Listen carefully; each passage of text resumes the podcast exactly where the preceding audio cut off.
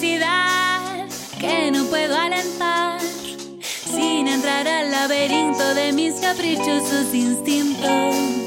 ¿En qué momento nació esta idea que si llego a alentar me dejaré caer en un abismo tan solo por saber cómo serás, tan solo por saber cómo será?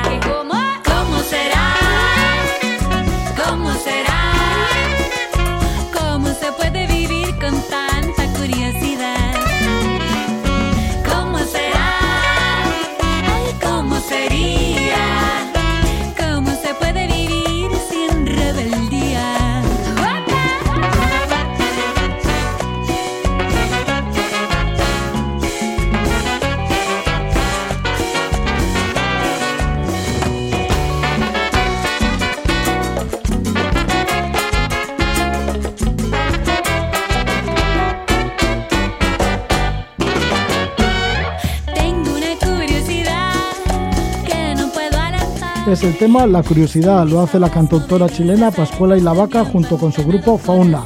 Nos vamos a acercar a diferentes parques nacionales de Chile, pero también a algunos otros lugares en donde la botánica pues merece la pena hacer excursiones y expediciones en busca de ella. Y es que tenemos con nosotros a una gran botánica como es María Teresa Tellería. Es profesora emérita del CSIC y la primera mujer que ha dirigido el Jardín Botánico de Madrid. Nació en Bilbao en el año 1950, ha realizado expediciones a lugares un tanto ignotos del planeta en donde solo llegan los botánicos. Ha tomado muestras de especímenes por la península ibérica, también ha estado por las islas de la Macaronesia, es un conjunto de archipiélagos que va desde Cabo Verde hasta Azores. En los bosques de selva fría también ha estado, de la Patagonia chilena, en Guinea Ecuatorial, ascendiendo al pico Basilea en la isla de Bioko o adentrándose también en las selvas del Monte Alén. Ha estado también en los tepuyes de Colombia, en la sierra de Chiribique, eh, de Chiribiquete y también en la isla de Coiba. La isla de Coiba, cuando estaba convertida mm, en otro tiempo en un penal en Panamá. Nos va a llevar a algunos de estos sitios. María Teresa Teguería, ¿qué tal estás, Gabón? Muy buenas noches, María Teresa. Buenas noches. Bien, bueno, ¿por qué la botánica es una ciencia así como tan exploradora, ¿no? ¿Qué tenéis que hacer para buscar vuestros especímenes? Os vais allí a lugares un tanto ignotos para la ciencia. Porque tenemos que estudiar las especies en todo su ámbito, en todo su ámbito de distribución. Entonces, en este orden de cosas, pues es necesario ir tras los especímenes que nos van a luego permitir, mediante los estudios tanto de morfológicos, con técnicas morfológicas como moleculares, nos van a permitir pues estudiar estos especímenes. Para ello necesitamos viajar por bueno pues por, por todas las regiones eh, del mundo en las que nuestro proyecto, nuestros proyectos de investigación se inserten.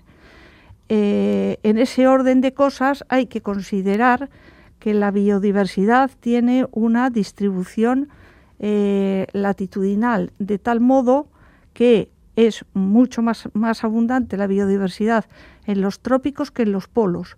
Por eso, pues eh, muchas de las expediciones se centran sobre todo hacia las zonas ecuatoriales. Estás especializado en hongos. ¿Cuál es el equipamiento que llevas a lugares extraños para estudiarlos? Porque claro, muchos de estos lugares son como bastante recónditos. Claro, sí, el equipamiento que podríamos llamar equipamiento científico es en realidad un equipamiento muy sencillo. Necesitamos llevar eh, sobres, fundamentalmente sobres de papel en los que meter los materiales. Necesitamos llevar también cajas y bolsas para poderlos ir ordenando. Es fundamental en esos estudios de, diversidad, sobre todo a la hora de recolectar el material, llevar un, un principio de orden muy estricto, porque si confundimos las colecciones, eh, malas conclusiones vamos a sacar. Necesitamos también nuestros cuadernos de campo, necesitamos asimismo eh, uno, tubos viales para tomar trozos, eh, trozos mmm, eh, pequeños de las muestras y mantenerlos en sílica gel para después poder hacer los estudios moleculares. Y sobre todo necesitamos precisión y rigor a la hora de eh, numerar las especies esas especies, esos especímenes numerados llevan el mismo número en sus sobres, en los viales y en nuestro cuaderno de campo.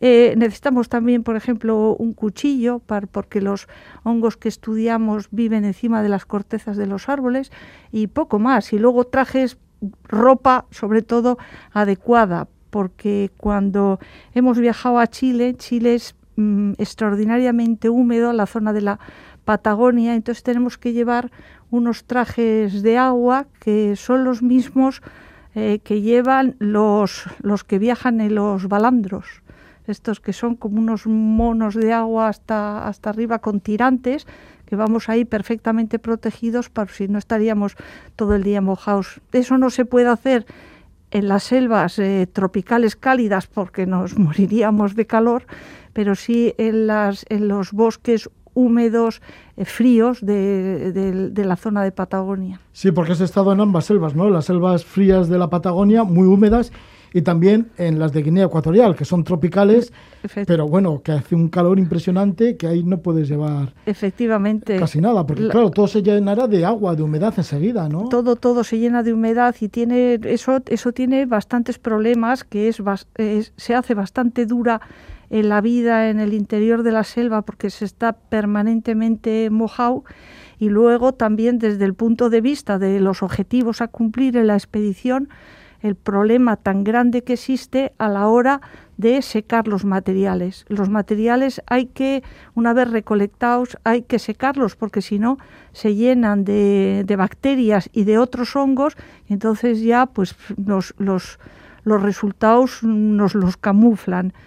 Pero por eso se, lo que se emplea es una técnica que es eh, impregnar esos materiales en una cosa, en un líquido que se llama líquido de Q que lleva agua y alcohol en unas, unas, en unas ocasiones y antiguamente agua y formol, entonces se meten en ese líquido, los sobres se meten en ese líquido, se meten en bolsas de plástico y en arpilleras y se mantienen así para, que, para impedir el crecimiento de microorganismos hasta que llegamos a un sitio donde ya disponemos de electricidad o quizá a veces también con un fuego que nos permite secar el material.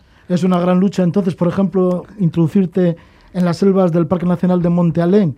Esto está en Guinea Ecuatorial, en la parte continental. Efectivamente, el, Parque Nacional de Monte Alén es un, es un lugar, eh, no sé, tan bello como duro, porque no, no se puede ir montado en ningún vehículo. Es un parque con una orografía endiabladísima, entonces todo hay que hacerlo a pie sí, con grandes desniveles. Exactamente, grandes desniveles, muchos ríos, muchos cortados. Entonces, todo el parque hay que hacerlo a, a pie.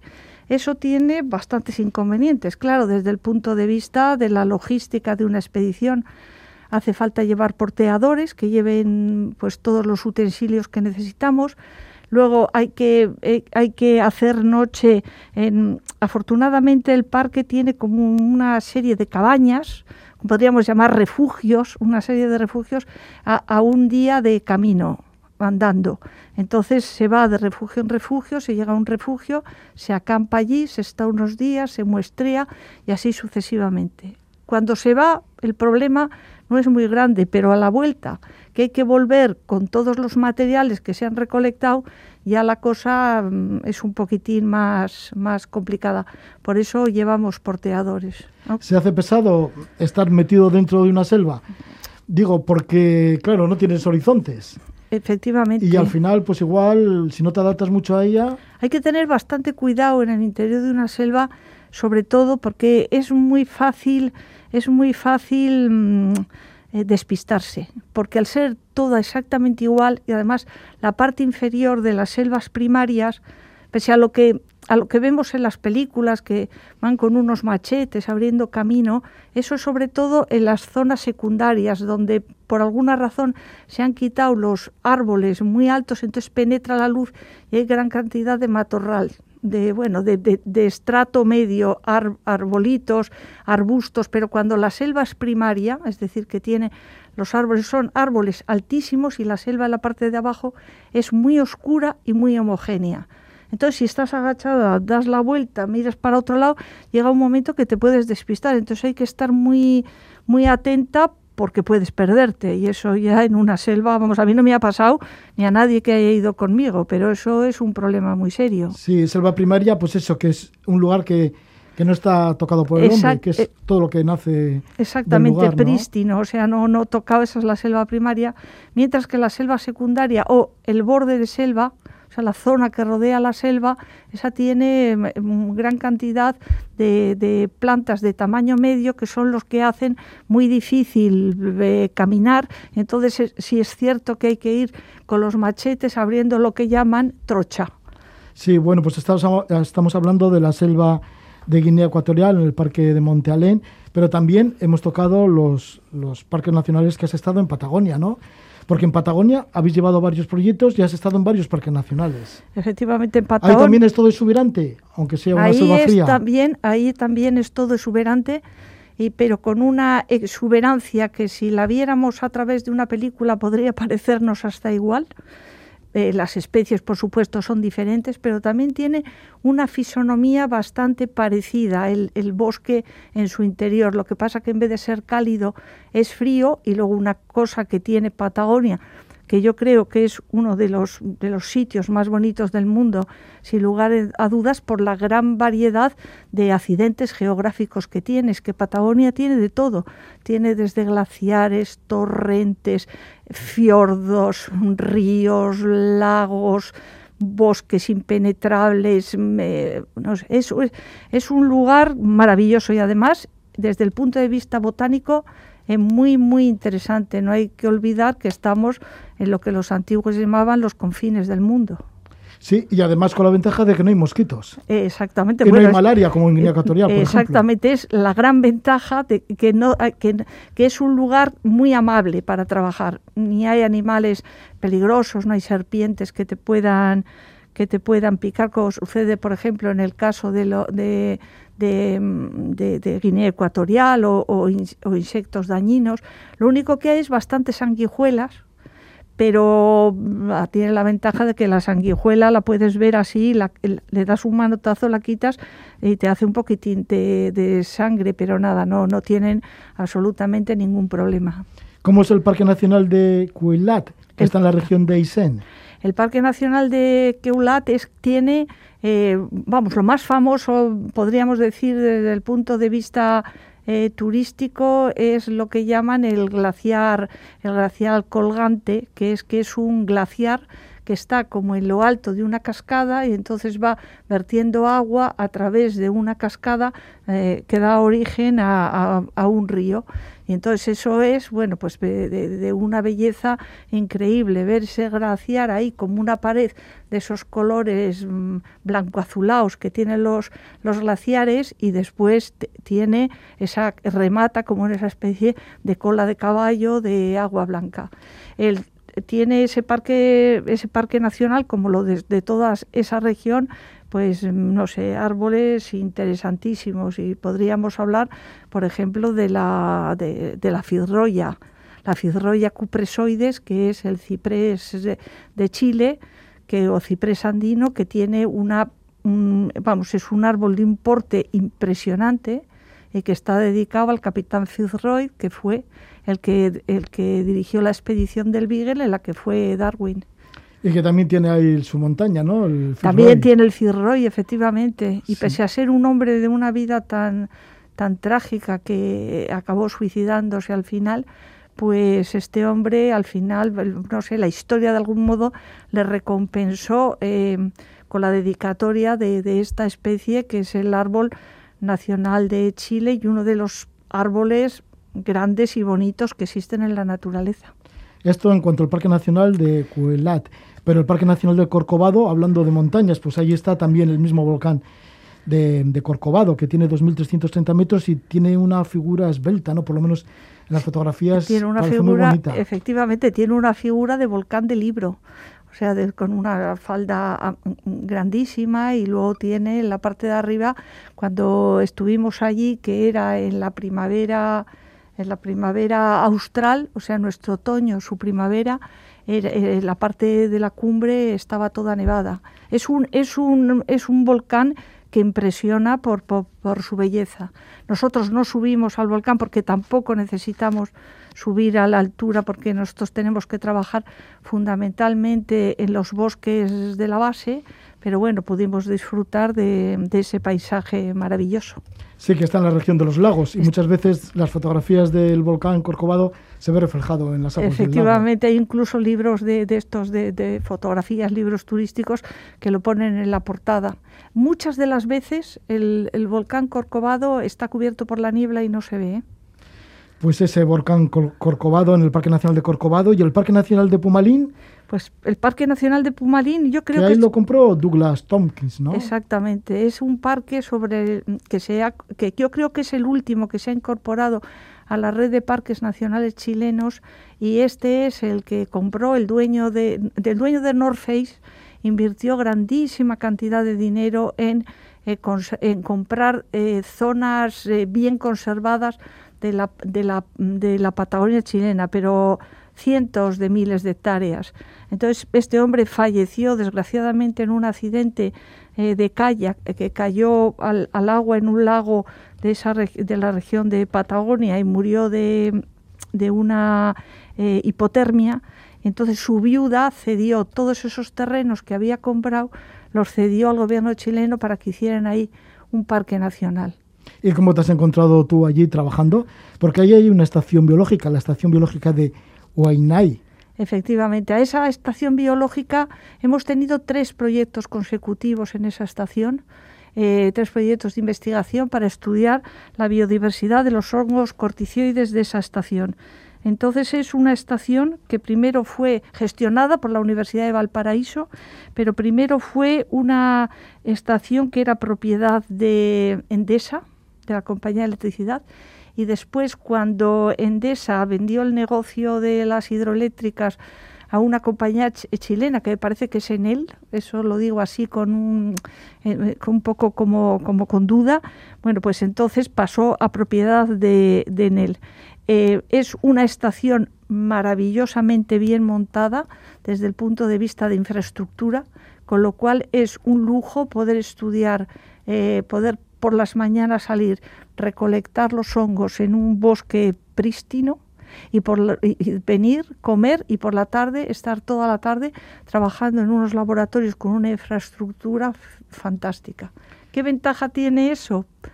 Tiene la ventaja de que si encuentras algo muy interesante y lo puedes estudiar casi de inmediato, puedes volver a por más material porque si separas mucho en el tiempo y en el espacio la recolección de material de su estudio y lo estudias cuando hayas regresado a casa, entendiendo por casa, por ejemplo, al Real Jardín Botánico de Madrid, entonces ya, si tienes muy poca, muy poco de muestra de algo que es muy interesante, no puedes volver a por ello y eso es una pena. ¿Y alguna vez has tenido esa sensación o esa emoción de, ver pues, pues un espécimen que deseabas y que lo tenías allí?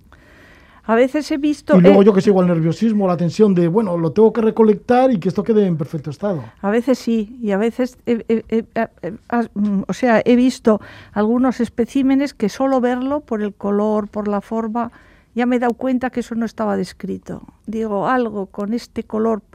Por ejemplo, recolectamos una especie del género Silodon, que luego describimos como nueva, y que llamamos Silodon magellanicum en, memoria de Magallanes, que, porque se hacía el, el, centenario del inicio de la expedición de Magallanes y el Cano.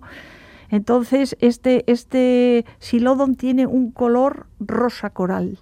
Entonces, yo cuando vi aquel, aquel espécimen en la rama de un árbol con ese color, dije, esto tiene que ser nuevo necesariamente. No conozco nada en este grupo de los hongos corticides que tenga este color tan precioso, justo.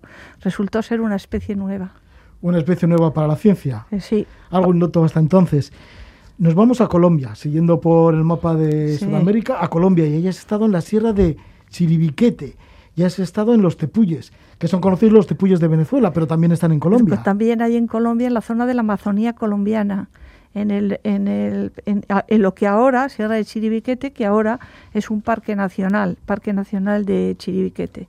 Entonces esta expedición de las que yo he realizado, sin lugar a dudas ha sido la más dura, la más dura por, por las condiciones de vida que teníamos y además eh, nos teníamos que desplazar en, en helicóptero porque no hay modo de acceder, bueno, hay modo, hay modo complicado de acceder desde la parte basal a lo alto del Tepuy, porque son como si fueran islas cortadas por, por, unos acantilados muy grandes que caen a la selva y es como una isla, pero en vez de estar en medio del agua del, del mar o de los océanos, es una isla en medio de una selva verde de vegetación. Y la verdad que es la sensación que se tiene en, en, este lugar, es una sensación, no, no, sé, es, es como de irrealidad, es una sensación de, de miedo unido a grandeza, eh, unido, no sé, a, a, felicidad, si quieres. Aunque el miedo casi es lo primero. ¿eh? sí, porque claro, estás en un lugar además pues donde te deja un helicóptero por la mañana y te dicen vamos a venir a buscarte por la tarde. Y ya está. Y te quedas allí en medio de la nada, con, en, una, en, un, en un lugar que tiene una superficie que puede tener kilómetro y medio por dos kilómetros, pues eso es la superficie que tiene ese sitio y además cuando fuimos a uno de estos tepuis, que era muy pequeñito, fuimos por la mañana, nos dijeron, vamos a venir a buscar por la tarde, tuvimos la malísima suerte de que se declaró una tormenta. Entonces estábamos allí, no, tiene vegetación arbórea, esos tepuises son pelados, no tienen vegetación arbórea.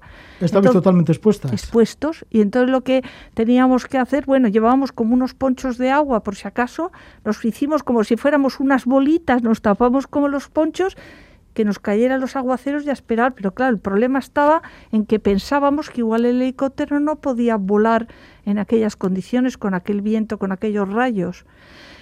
Pero afortunadamente, cuando antes de que anocheciera oímos así en la lejanía algo que, hacía pop, pop, pop, pop, pop, pop, que era el ruido del motor del helicóptero y dijimos, Dios mío, ya vienen a buscarnos. Y yo ese día sí que de verdad, eh, no sé, pasé miedo, esa sensación de miedo, de respeto por la naturaleza, de decir, bueno, a ver si nos tenemos que quedar aquí y por cuánto tiempo. Estamos con María Teresa Tellería, nos está hablando de exploraciones de una botánica por el mundo. Es la primera mujer que ha dirigido el Jardín Botánico de Madrid y ha tenido la fortuna, el privilegio de estar en lugares recónditos del planeta, algunos de ellos ignotos. ¿no? Ahora estábamos hablando de la sierra de Chiribiquete, los Tepuyes de Colombia. Pero, por ejemplo, vamos a acercarnos a Panamá y a la isla de Coiba. Sí, porque cuando visitaste la isla de Coiba en Panamá, todavía era un penal. Efectivamente. La isla de Coiba es una isla que está en la zona del Pacífico panameño. Es una isla, esta isla no es de origen oceánico, sino que es una isla que es el resultado pues de, de, la, de la degradación pues de conchas, de corales y este tipo de cosas. Es una isla relativamente grande y cuando yo estuve era, esa isla era un penal donde los presos estaban estaban sueltos por la isla y eran los guardianes, lo que llamaban allí los custodios, los que vivían, dormían sobre todo encerrados en lo que podríamos considerar la cárcel, con las ventanas, con barrotes y más, para protegerse de la población reclusa. O sea que era al revés. Era al revés, el mundo era al revés. Entonces, eh, la, bueno, el, el secreto de esa isla es que los, los reclusos no se pueden escapar, aunque pueden tener acceso a construir incluso balsas con los, con los árboles de la isla, pero no, no se pueden escapar porque las corrientes lo que hacen es cualquier embarcación que quiere salir de ahí, si no es a vela o a motor, es decir, que hay que dejarla que te, la lleven las corrientes, pues entonces resulta que en vez de acercarla a la costa del, del, del continente, lo que hace es lo saca mar abierta, a mar abierto, entonces acaban perdiéndose y, muriendo. ¿Y cómo fue la relación entre los presos y los científicos? Pues la relación entre los presos y los científicos fue magnífica, porque nosotros íbamos, salíamos todas las mañanas a muestrear y entonces siempre eso sí nos acompañaban unos unos custodios que llevaban unos fusiles inmensos, siempre íbamos con ellos pero luego hubo veces que incluso los propios reclusos nos invitaron en sus campamentos a tomar café y... ¿Qué especies de árboles llamativos has conocido alrededor del mundo? En tus expediciones, en tus exploraciones como botánica. Por ejemplo, bueno, he conocido muchísimas especies, pero quizá una de las que más me ha llamado la atención es la que se conoce con el nombre vulgar del ciprés de las Guaitecas. este, este ciprés de las Guaitecas que vive en las islas Guaitecas, que hay en el archipiélago de Cronos, que está de la, bueno, en la zona costera de la Patagonia chilena, entonces, em, este ciprés de las Guaitecas recuerda un poco, podría, podría recordar un poco por su aspecto, no sé, a una sabina eh, eh, europea, pero sin embargo es grandísimo y es un género que es endémico, es el género Pilgilodendron, Pilgilodendron ubiferum es el ciprés de las Guaitecas. Me llama la atención porque como te digo, es un árbol que de un tamaño increíble y que sin embargo es, solo crece en esa región del mundo. Estamos con María Teresa Tellería. Bueno, es un placer estar con ella. Es una gozada pues escuchar todas las experiencias que ha tenido sobre el terreno como botánica. María Teresa Tellería, que nació en Bilbao en el año 1950, es doctora en farmacia por la Universidad Complutense de Madrid. Ha desarrollado su actividad científica y académica fundamentalmente en el Real Jardín Botánico de Madrid, de la que fue directora entre los años 1994 a 2006. Y además es una mujer, bueno, multidisciplinar, porque también últimamente estás escribiendo y has publicado tu primera novela, lleva el título de Ese permiso del rey, sobre la vida de Jean Baret, que fue la primera mujer que dio la vuelta al mundo en barco. Efectivamente, la expedición... Y además también era botánica. Exactamente, la expedición marítimo-científica de Luis Antoine de la Bougainville. Sí, que soltaron amarras el 9 de enero de 1767 en el barco Etoile, que dio la vuelta al mundo. Efectivamente. Y tuvo un montón de peripecias y bueno, y fue como muy incluso acosada, ¿no? Porque, claro... Claro, fue, al fin y al cabo era una mujer en un barco todo, todo lleno de hombres y que ella viajó disfrazada de hombre como ayudante del, del botánico Comersón. Sí, mucha historia por detrás. El libro lo edita, sin permiso del rey, lo edita Espasa, esta novela. Muchísimas gracias por estar con nosotros, María Teresa Tellería. Que vaya todo muy bien. gracias a ti, Roge, ha sido un placer.